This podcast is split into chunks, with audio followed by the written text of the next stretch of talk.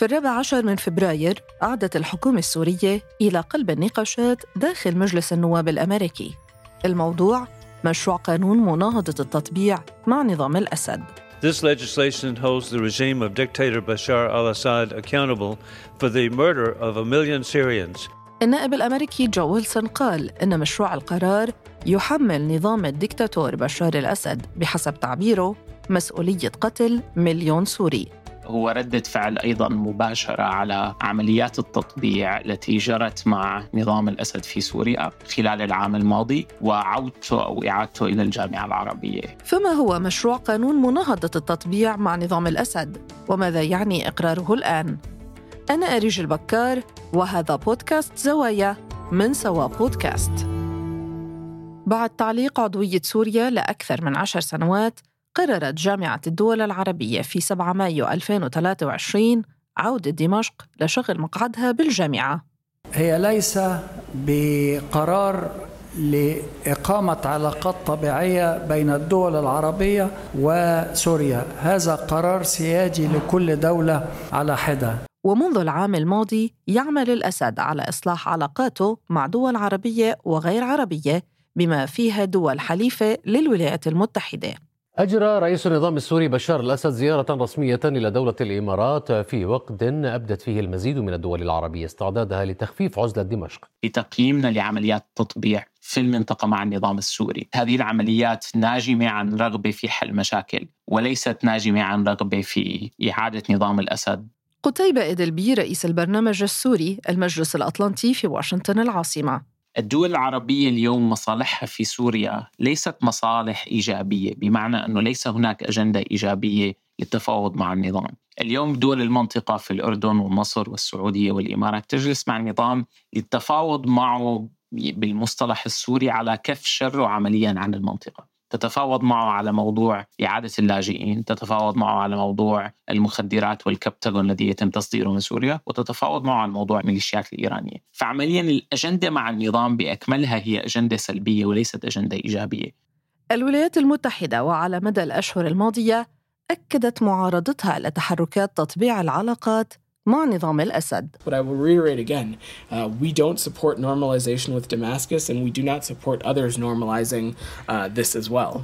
ولمواجهة موجة التطبيع أقر مجلس النواب الأمريكي مشروع قانون يحمل اسم مناهضة التطبيع مع نظام الأسد المشروع أقر بأغلبية 389 صوتا مقابل معارضة 32 هذه المرة الأولى ربما خلال عام أو أكثر من عام نرى قانون يمر بأغلبية أكثر من 90% من الأصوات من الجمهوريين والديمقراطيين. ورغم كل المشاغل في المنطقة المشاغل بالنسبة لواشنطن في موضوع التعامل مع الصين في موضوع الحرب في أوكرانيا اتفق المشرعون من الحزبين على ضرورة أن يتم وضع هذه الحواجز أمام أي عمليات قد تؤدي لإعادة تأهيل نظام الأسد ومكافأته على حربه ضد شعبه خلال ال 13 عام الماضية. مشروع القانون طرح لأول مرة أمام مجلس النواب الأمريكي في مايو 2023 في نفس الشهر الذي عادت فيه سوريا إلى الجامعة العربية وما تلاها من إعادة عدد من الدول العربية فتح سفاراتها في دمشق. فلماذا لم يقر مجلس النواب مشروع القانون العام الماضي؟ للأسف تم تأخير طرحه على المجلس للتصويت بشكل عام بسبب التأخير العام والفوضى التي مر بها مجلس النواب من تغيير رؤساء المجلس من الخلافات التي كانت تحدث داخل الحزب الجمهوري نفسه والخلافات بين الجمهوريين والديمقراطيين ولم تكن متعلقة عمليا بمشروع القانون بحد ذاته. مع ذلك الفترة هذه حوالي تسعة أشهر تعتبر ليست فترة طويلة مقارنة بمشاريع قوانين خاصة بالعقوبات وخاصة مشاريع قوانين خاصة بملفات شائكة مثل الملف السوري قتيبة كيف يحد مشروع القانون من تحركات دول المنطقة وغيرها بخصوص عمليات التطبيع؟ القانون بالدرجة الأولى يضع هذه القيود على الحكومة الأمريكية نفسها لأنه بنص مشروع القانون هو يمنع أي مسؤول أمريكي من استخدام أموال دافعي الضرائب طبعا كل أموال الحكومة الأمريكية هي أموال دافعي الضرائب يمنع على الحكومة استخدام هذه الأموال للتطبيع مع نظام الأسد. فهو أغلق الباب تماما أمام حكومة حالية أو أي حكومة في المستقبل لفتح علاقات مع بشار الأسد.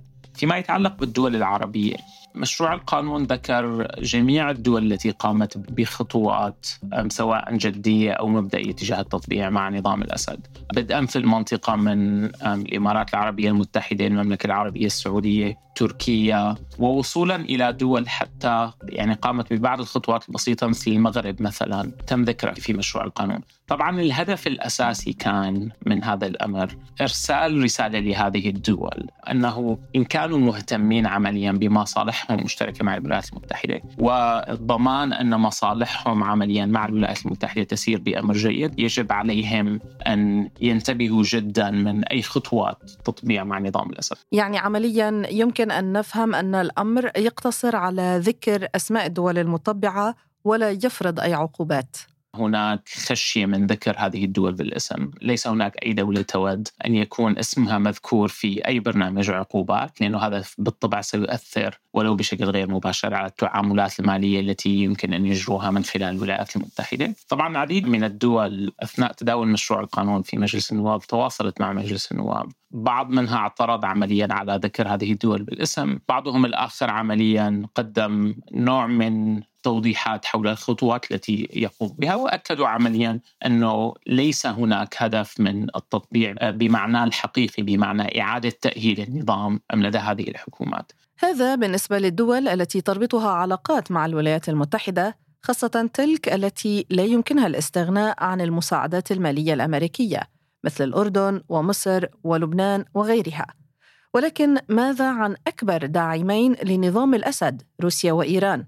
خاصة وأنهما إذا صح التعبير في حالة عداء مع أمريكا الرسالة التي ترسلها هذه البرامج هي ليست لنظام الأسد وإنما لداعميه في طهران وموسكو والرسالة تقول لهم أنتم تدفعون فاتورة بقاء هذا النظام ليس سياسيا فقط ولكن أيضا ماليا، فالرسالة تقول لهم إذا أردتم وقف هذه المصاريف التي تدفعونها دون طائل في سوريا أجبروا الطرف السياسي المحسوب عليكم في سوريا للقدوم إلى طاولة المفاوضات أو تعالوا إلى طاولة المفاوضات بدلا عنه ولنتفاوض على حالة انتقال سياسي في سوريا لا تغير وجودكم بشكل كامل ولكن تغير من الوضع الحالي الذي نجد أنفسنا محشورين فيه بسبب بقاء بشار الأسد في السلطة. في حال تم إقرار هذا المشروع فنحن نتحدث عن بقاء ما يسمى بالضغط الأقصى على النظام حتى عام 2032 فهذا على الأقل سيعطينا حيز زمني أكبر حوالي سبع سنوات للتفاوض مع إيران وروسيا.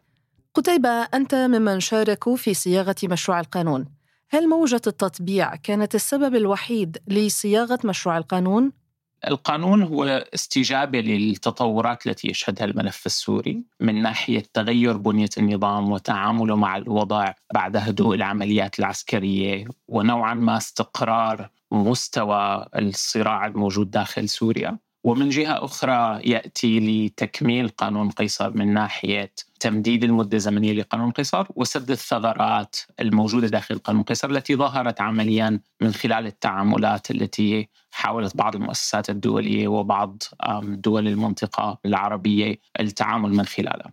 قانون قيصر لحماية المدنيين السوريين أقر في ديسمبر من عام 2019 وأدرج في موازنة الدفاع الأمريكية لعام 2020 سمي القانون باسم قيصر نسبة إلى مصور عسكري سابق في الشرطة العسكرية السورية يعرف باسم مستعار هو قيصر.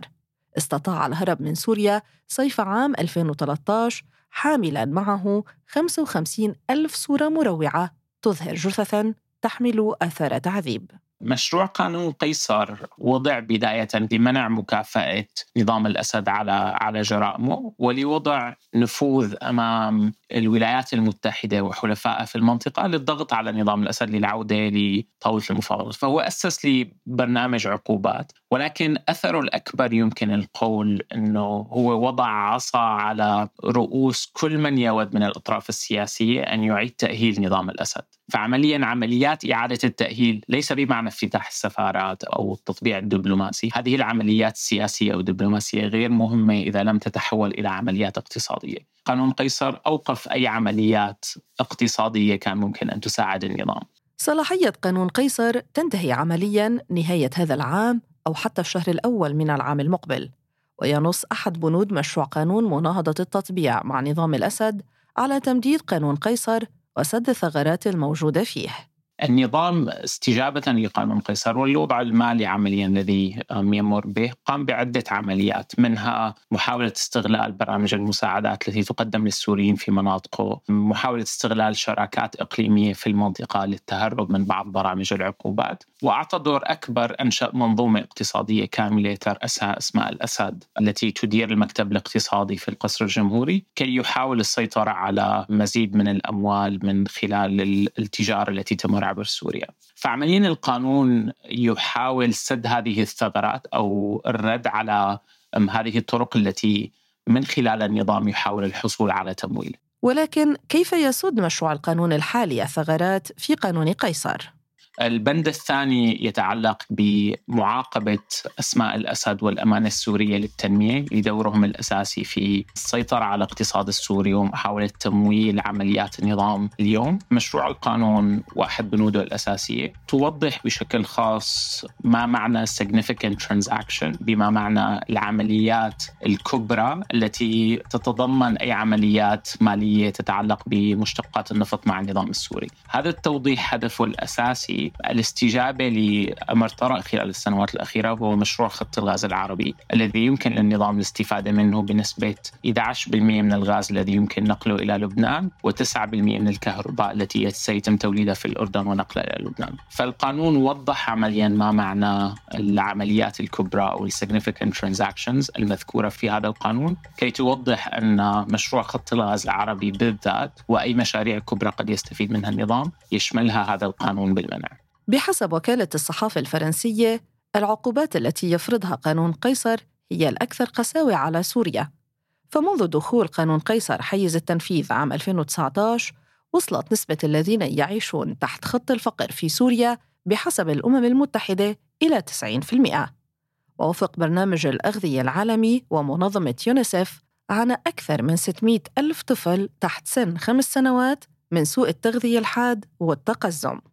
تقرير صدر عن المركز الاستراتيجي للعلاقات الدولية خاص بموضوع تحوير المساعدات. وذكر أنه نظام الأسد فقط من خلال عمليات تحديد سعر التصريف العملة للأمم المتحدة يحصل على 52 سنت من كل دولار يتم إرساله عبر الأمم المتحدة في دمشق. فعمليا النظام كان يحصل على الأقل على نصف المساعدات ومن ثم بالطبع يقوم بتحوير المساعدات عن هدفها من خلال تغيير قوائم المستفيدين من خلال تحديد المناطق التي يود أن تستفيد من برامج المساعدات أو من برامج التعافي المبكر. مشروع قانون مناهضة التطبيع مع نظام الأسد بيركز على محاولة إعطاء الأمم المتحدة والمنظمات الإنسانية بعض النفوذ للتفاوض مع النظام السوري حول كيفية إيصال المساعدات.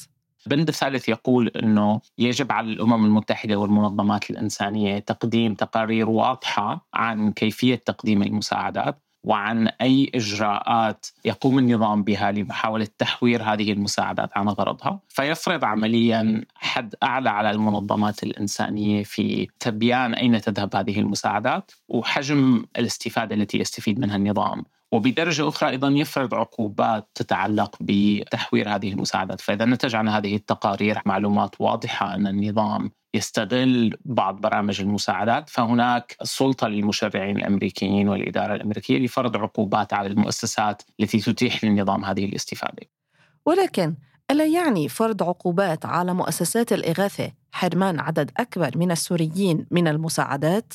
في حال توقفت هذه المؤسسات عن تقديم المساعدات بالطبع هذا سيلحق الضرر بالسوريين بلا شك منطقيا ما سيحصل أن النظام السوري بحاجة لهذه التمويل وهذه السرقات التي يقوم بها من برامج المساعدات وبحاجة لأي أحد ليقدم مساعدات للسوريين أكثر من حاجة المنظمات الدولية أو من حاجة حتى السوريين للحصول على هذه المساعدات. فالنتيجة المتوقعة هي أن النظام سيرضخ عمليا لهذه الآليات وسيقوم عمليا على الأقل بتخفيف النسبة التي يحاول سرقتها من هذه المساعدات. مشروع القانون يطلب أيضا من وزير الخارجية الأمريكي تقديم تقرير سنوي يصف الأفعال التي اتخذتها الدول للتطبيع أو الاتصال مع نظام الأسد إلى جانب كشف ما يقوم به النظام من تلاعب وسرقة للمساعدات التي تقدمها الأمم المتحدة مشروع القانون هذا في حال أقر لن يكون الأول فقد سبقوا كما ذكرنا قانون قيصر في 2019